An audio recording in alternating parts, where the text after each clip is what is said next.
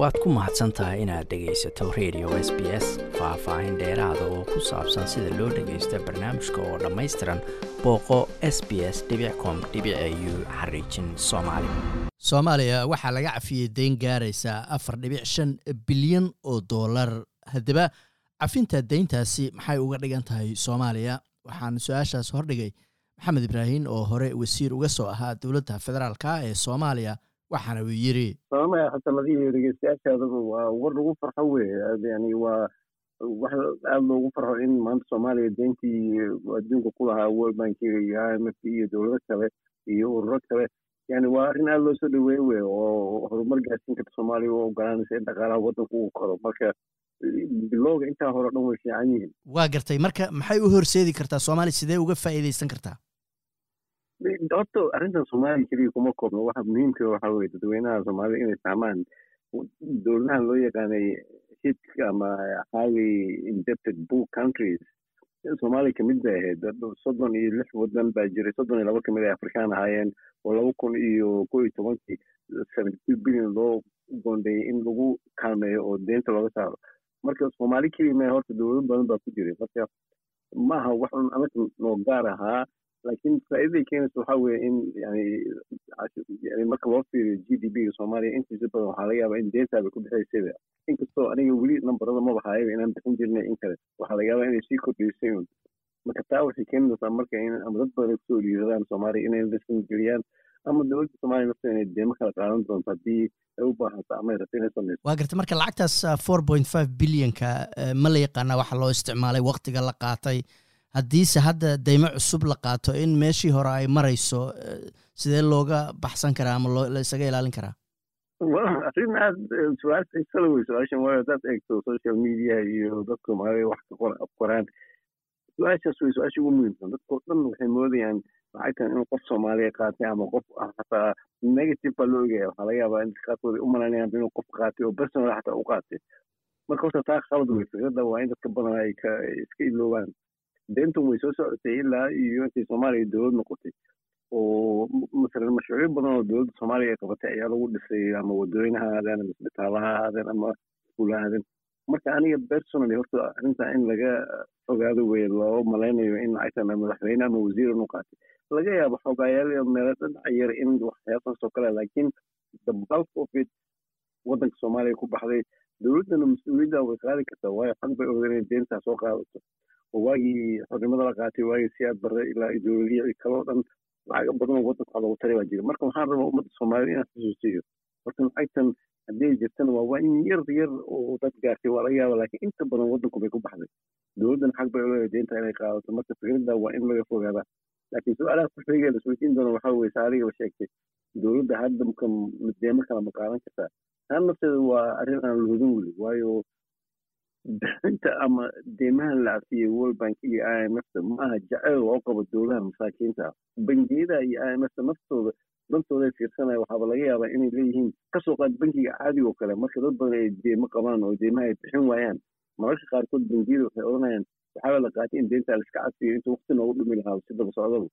marka sidaa in looga fikiraya horta arrintan ku fiican tahay. Laakiin lacagtan badankeed waddanka ayay ku baxday dadka waa inay saas u fahmaan waa gartay. Marka dadka matalan shaki ka muujinaya sidaa sheegtay baraha bulshada iyo soomaalidu falanqeyn ballaaran bay ku wadaa soomaaliya maadaama xilligan hadda la jooga ay tahay dalalka ugu musuq maasuqsan oo tirakoobka caalamka la sameeya aan ugu hoos marno. Inay shaki ka muujiyaan in haddii dayn cusub la qaato la musuq maasuqaayo dadkaasu soo xaquma le inay shakigaa muujiyaan. Shakiga sideedaba arrimahan waxaa jira hadalqabsi la yidhaahdo trust and verify. Yani waxaa laga hayaa madaxweyne maraykan oo ronald reagan waqtigiisi yani run wey qofka biniaadamku soomaaliga waa inuu mar walba shakiga qabo u yidhaahdo maadaama saa sheegtay corruptionka uu soomaaliya aada ugu baaxay oo dhibaatooyinka ay jiraan oo dhan. In shakiga jiro wax la ogolaan karo wey. Laakiin waa in laga lagu weynaa oo laga sii socdaa oo dad kale aaminaa ugu dambeyntii some stage waa inaan dowladda anada aaminaa oo dhahnaa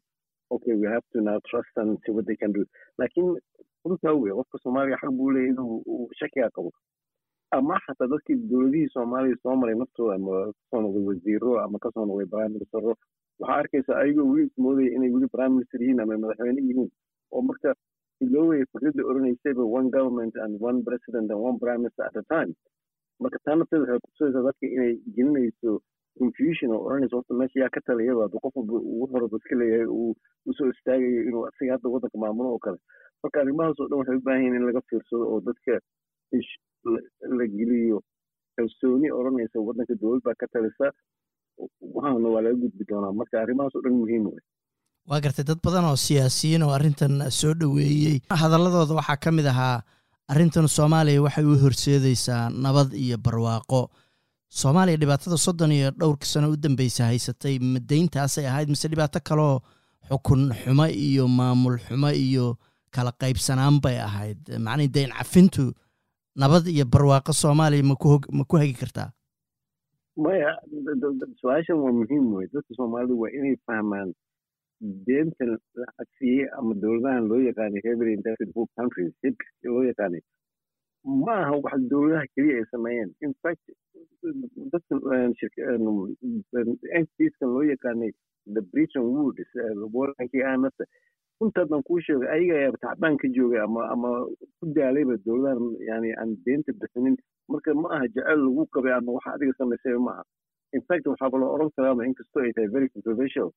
Hataa haddii soomaaliya waxba qaban lahayn ama dowladahan dhowr iyo soddonka waxba aan samayn lahayn waxba laga yaaba in laiskaga cafin lahaaba xataa marka dambe odan lahaa war miya waa idinka daalnay ordoo naga taga haddaan runta isu sheegno wey laakiin marka horta wax lagu faanaba ma aha.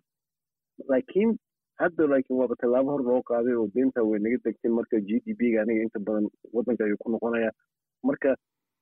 run wey in la yidhaahdo yani waa wax waddanka wax u taraya yes waa la soo dhaweynaynaa wax lagu farxo wey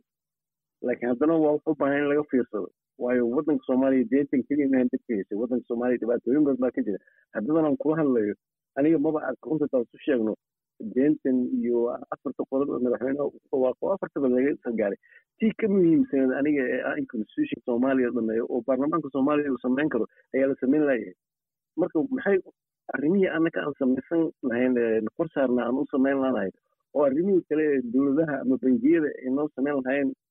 moodaa in la sameeyey macnii afar shay buu madaxweynaha sheegay markuu ka soo noqdo shirka ingiriiska. Saddexdii dibadda ku xirnaa saddexdiiba waa la sameeyey. Laakiin kii baarlamaanka u yaalla weli lama sameyna marka dhibka annaga dibadda keliya mehe gudahana wey. Marka soomaaliya nabada adduunkana nabada qaybta labaad waxaa moodaa in la gaara ka hore weli taalo oo aniga as a person soomaaliyan maanta waxaan oran lahaa wax kastaba meel hala dhibe halka ajendam halka shay soomaaliya u yaalla waxaa weeye in shababa laga waa garta ugu dambeynta marka waxaa hadda israacay iyadoo cunaqabatayntii hubka la qaaday lagu biiray dalalka ururka bariga africa haddana dayntii la cafiyey. Saddexdaas arrimood marka laysku dardaro waqtiyo isu dhow hadda la gaaray. Maske waxaa la dhihi karaa waa guule iska simbooliga mise waa laga dareemi doonaabaad is leedahay dhowaan soomaaliya gudaheeda. Saddexdaas arrimood arrimaha arrimo soo socda weeye oo dowlado badan oo soomaaliya waddankan ay ka shaqeynayaan laakiin waa arrin yani la oran karo xasan sheekh madaxweynaha hadda jooga waa in loogu mahadhaliyaa oo recognitionka la siiyaa inuu ka salgaaray saddexdaa qodob kan constitutionkana in sida ugu degdegsan lagu dhameeyo marka yes waxaa weeye afar shay oo aad mooda inay tallaabooyin fundamental yihiin oo waddanka wax u taraya laakiin howsha soomaaliya u taalo weli way badan tahay soomaaliya weli howlo badan baa dowladahaan hor yaalla lacagta soomaaliya soomaaliya ma maamusho telecommunicationka soomaaliya soomaaliya ma maamusho constitutionka soomaaliya soomaaliya weli waa laadahay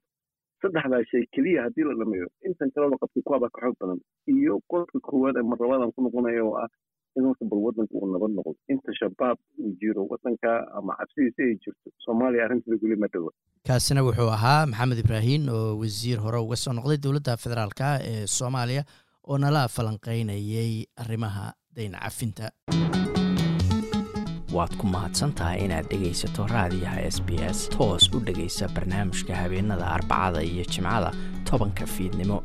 Ama kaga soo cesho website-ka iyaga iyo s b s radio app.